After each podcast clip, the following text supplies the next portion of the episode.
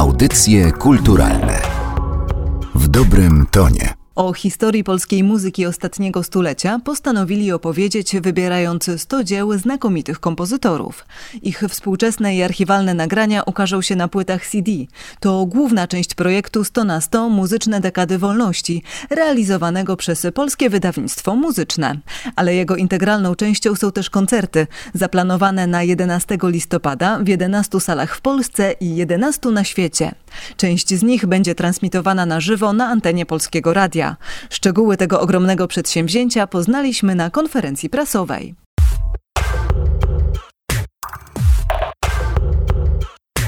W ramach programu Niepodległa wspieramy setki koncertów w Polsce i za granicą, bardzo wiele wydarzeń muzycznych w małych ośrodkach i w największych centrach kulturalnych. Wicepremier i minister kultury i dziedzictwa narodowego Piotr Gliński. Wspieramy artystów uznanych i tych dopiero wkraczających na estrady koncertowe. Muzyka, bowiem w tym miejscu tego nie trzeba specjalnie udowadniać, nie tylko daje możliwość celebrowania tej wyjątkowej rocznicy w sposób godny i uroczysty, ale daje poczucie wspólnoty kulturowych działań i społecznego porozumienia pomiędzy podziałami.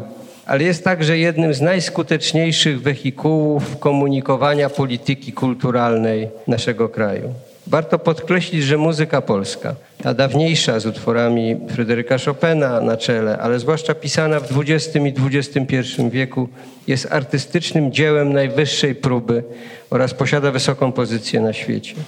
Program, który dzisiaj prezentujemy, 100 na 100, muzyczne dekady wolności Polskiego Wydawnictwa Muzycznego, jest jednym z flagowych przedsięwzięć muzycznych realizowanych w ramach stulecia odzyskania niepodległości. Być może najważniejszy i spektakularna koncepcja projektu i jego zasięg oddziaływania sprawiają, że jest to przedsięwzięcie unikatowe w skali chyba także międzynarodowej.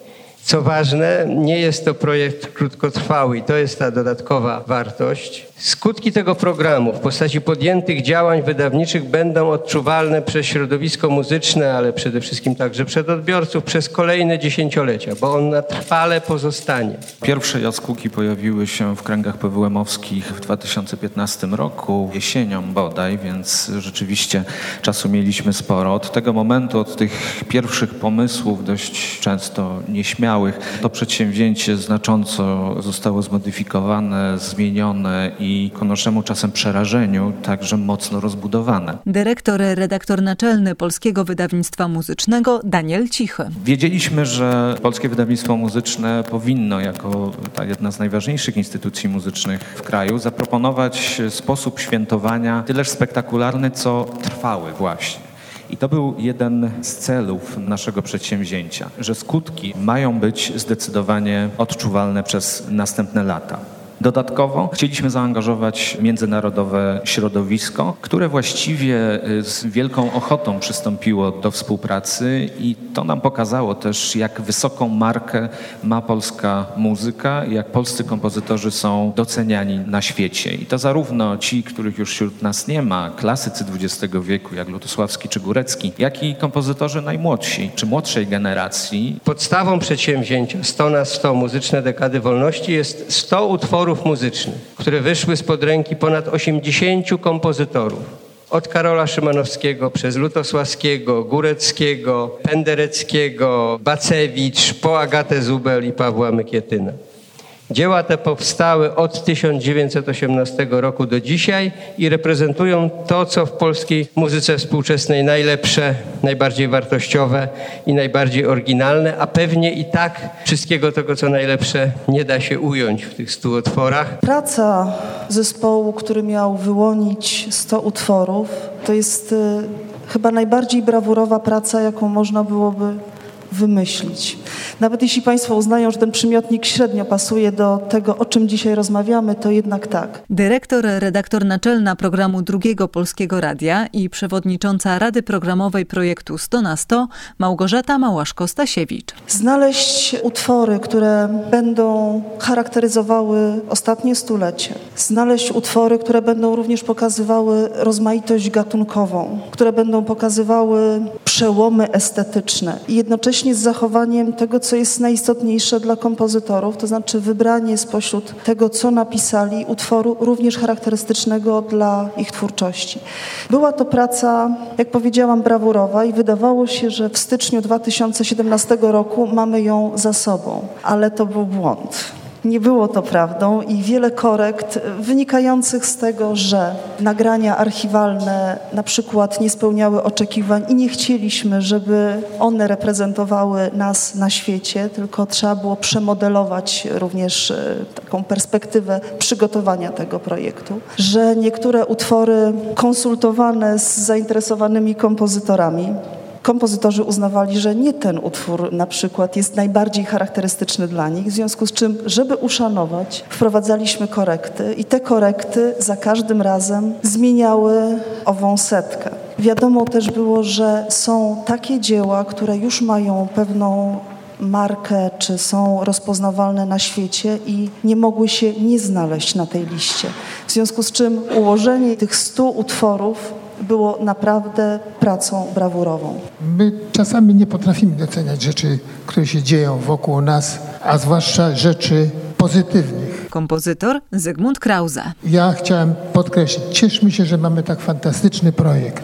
Dla mnie on jest przede wszystkim ważny ze względów edukacyjnych. Mam nadzieję, że dzięki temu dotrze do wielu instytucji i wielu osób fakt, że w ogóle istnieje kompozytor muzyki współczesnej, co nie jest wcale takie oczywiste. Dla mnie, jako dla kompozytora, jak patrzę na tę listę, to mam poczucie przynależności do jakiejś rodziny, do jakiejś grupy twórców. I to dodatkowo daje mi takie poczucie, że jest w tym jakaś logika. To jest jakby rodzina wielopokoleniowa, która dokłada z każdą nową generacją nowe dzieła i przyczynia się do rozwoju naszej kultury. Jak patrzę na tę listę, to czasami też tak mi się wydaje, że patrzę w lustro, w zwierciadło krzywe. Czy jest krzywe? Otóż moim zdaniem nie. Moim zdaniem wybór jest bardzo dobry i szapoba dla całości tego panelu, który pracował nie jest ważne, czy będzie utwór X czy Y. Ważne jest, że mamy tak fantastyczny projekt, który będzie trwał. Chciałem na koniec powiedzieć rzecz, która moim zdaniem jest ważna dla nas, dla kompozytorów i dla organizatorów życia muzycznego. Mianowicie na tej liście mamy wybrane nazwiska, ale mamy świadomość, że jest wielu, wielu, wielu kompozytorów, którzy nie są na tej liście i wiele, wiele dzieł. I chciałbym wyrazić taką życzenie może, żeby pamiętać o tym wszystkim, że to nie jest koniec, że ci, którzy nie są na tej liście, też zrobili ważne dokonania dla naszej kultury. To jest lista jedna z możliwych. Ja wierzę akurat głęboko w to, że ona jest na tyle reprezentatywna, że możemy rzeczywiście światu pokazać szeroki wachlarz i estetyczny, i gatunkowy polskiej muzyki. Zatem te warunki brzegowe, które postawiliśmy przed Radą Programową, a więc musimy skonstruować listę, w której na każdy rok będzie przypadał jeden utwór. Powinny to być utwory ważne dla historii muzyki w ogóle, dla historii muzyki polskiej, ważne także dla kompozytorów kompozytorów. Ta lista naszym zdaniem takie kryteria spełnia. Box, który będzie wydany, będzie zarówno opublikowany w języku polskim, jak i angielskim. Tam znajdą się i płyty kompaktowe z wszystkimi utworami z listy, ale także monografia, zeszyty dekad, kompendium właściwie wiedzy o muzyce, muzyce najnowszej. Do tego kręcimy w wersji również polskiej i angielskiej 100 muzycznych wizytówek, ilustrowane książki dla dzieci, gra planszowa, więc y, też chcieliśmy podkreślić, jak bardzo istotną sprawą jest edukacja młodzieży, dzieci i to właśnie w zakresie muzyki najnowszej, bo ona świetnie się do tego nadaje przez swoje zróżnicowanie estetyczne, przez swoje bogactwo. A dzieci, będąc jeszcze nieskażone pewnymi przyzwyczajeniami i uprzedzeniami, świetnie odbierają muzykę współczesną. Także konkurs kompozytorski Tadeusza Chlewskiego, wystawy znakomitych zdjęć, portal internetowy, no i wreszcie koncerty, o których jeszcze za moment będę mówił. Wspomniałem o tych trwałych celach projektu i jednym z nich jest działalność czy aktywność fonograficzna, ponieważ to, co jest bardzo przydatne w promocji muzyki polskiej i w ogóle muzyki, to są nagrania. Często aby podjąć rozmowy z festiwalami, z zespołami, musimy się legitymować bardzo dobrymi nagraniami. Stąd też naszą ambicją było zrealizowanie możliwie jak największej liczby nagrań tych utworów, które znalazły się na liście. Stąd 60 dzieł nagrywamy od początku z najlepszymi polskimi e, orkiestrami, zespołami, od Symfonii Warszawy, Filharmonii Narodowej, Teatru Wielkiego, mm, Opery Narodowej, przez NOSPR, Polską Orkiestrę Radiową i wiele jeszcze znakomitych zespołów. Reszta, 40 utworów, e, będzie jest właściwie już uzupełniana fonograficznymi cymesami z zasobów e, Polskiego Radia i polskich nagrań. Program drugi, a właściwie Polskie Radio bardzo intensywnie włączyło się w pracę, bo wszystkie zespoły Polskiego Radia brały udział w nagraniach. I też y, myślę, że nie będzie dla Państwa żadnym zaskoczeniem, że utwory wymagające i pewnego doświadczenia w nagrywaniu muzyki współczesnej, ale też składu były powierzone na przykład Narodowej Orkiestrze Symfonicznej Polskiego Radia. Anekumena Buczkówny jest to utwór, no myślę, że nie do wykonania przez znaczną część naszych znakomitych zespołów symfonicznych, ze względu na to, że wymaga olbrzymiego składu. To jest ponad 120 osób. Polska Orkiestra Radiowa, Orkiestra Kameralna Amadeus, Chór Polskiego Radia, ale to również nasze archiwa, które udostępniamy z również cennymi nagraniami, bo trzecia symfonia, która się znalazła na tej liście, w wykonaniu wtedy jeszcze Wielkiej Orkiestry Symfonicznej Polskiego Radia i Telewizji będzie pod dyrekcją samego Lutosławskiego. I nowe, i te najcenniejsze, które są w zasobach i Polskiego Radia, ale nie tylko Polskiego Radia, bo to, o czym wspomniał dyrektor Cichy, to jest mobilizacja całego środowiska i przekazanie tego, co jest najcenniejsze. A 11 listopada to jest kolejne wyzwanie, Cieszę się, że partnerstwo i to już współpraca i też organizacyjna z obecnym dzisiaj tutaj Filipem Berkowiczem pozwala na to, żeby radio zarejestrowało, oczywiście wybrane, bo rozumieją Państwo, że to nawet od strony ludzkiej i logistycznej jest trudne, żeby nagrać 22 koncerty w Polsce i poza Polską, ale większość koncertów 11 listopada będzie nagrana i będzie transmitowana w Polskim Radiu. Zaczynamy o godzinie 11 w Krakowie, nie tylko dlatego, że główna siedziba PWM-u mieści się w Krakowie, ale no, symbolicznie chcieliśmy w tym miejscu właśnie rozpocząć nasz maraton z muzyką polską, potem co godzinę odpalamy kolejny koncert o godzinie 20. Gala organizowana wspólnie z Teatrem Wielkim Operą Narodową oraz Narodowym Instytutem Fryderyka Chopina. Gala, w której wezmą udział także przedstawiciele władz państwowych, korpusu dyplomatycznego i ten koncert również będzie transmitowany przez Polskie Radio i przez e, telewizję polską. W tym samym dniu 11 wydarzeń na świecie. Od Chicago i Nowego Jorku przez najważniejsze stolice i miasta i ośrodki kulturalne w Europie, aż po Tokio i Melbourne. Jeżeli zapytacie Państwo o zespoły, no to zdecydowanie creme de la creme. Ensemble Modern, London Sinfonietta, Theatre of Voices, Ensemble Antycontemporain, Klang Forum Wien i wiele jeszcze innych niezwykle uznanych zespołów.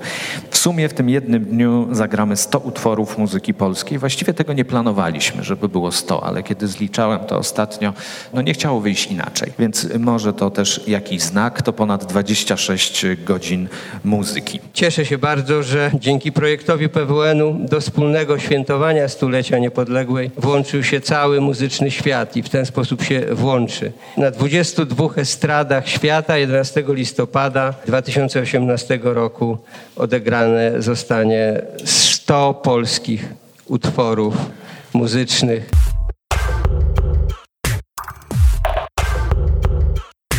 Materiał przygotowała Magdalena Miszewska. Audycje kulturalne w dobrym tonie.